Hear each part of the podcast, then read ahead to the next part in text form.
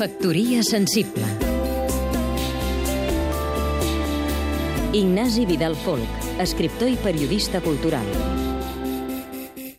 Segons Eurostat, Eurofound i Pew Research Center, que són entitats estadístiques molt respectades, els espanyols són els ciutadans de la comunitat europea que més anys vivim.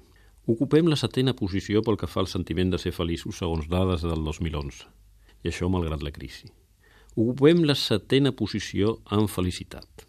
I a més som els més tolerants del món pel que fa a la homosexualitat, el divorci, els anticonceptius, l'avortament i altres temes d'interès social. A més, tenim la segona taxa més baixa en homicidis. No està malament. Quan no fa gaire la nostra llegenda negra ens pintava com uns reprimits i repressors de campionat, masclistes i cavernícoles, resulta que som els més tolerants del món. Ara bé, també som un dels últims països pel que fa a consum de béns culturals i el nostre índex de fracàs escolar està entre els pitjors d'Europa. Doncs bé, si creuem aquestes dades, deduirem una cosa que és evident però que ningú diu perquè no és bonic. I és això, que la cultura i l'escola són totalment innecessaris per ser feliços i tolerants.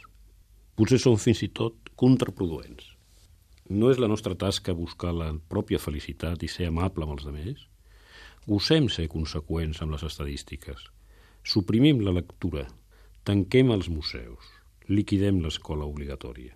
D'aquesta manera no només estalviarem diners, sinó que, a més a més, els nostres fills seran encara més feliços i més tolerants. Factoria sensible Seguim-nos també a catradio.cat.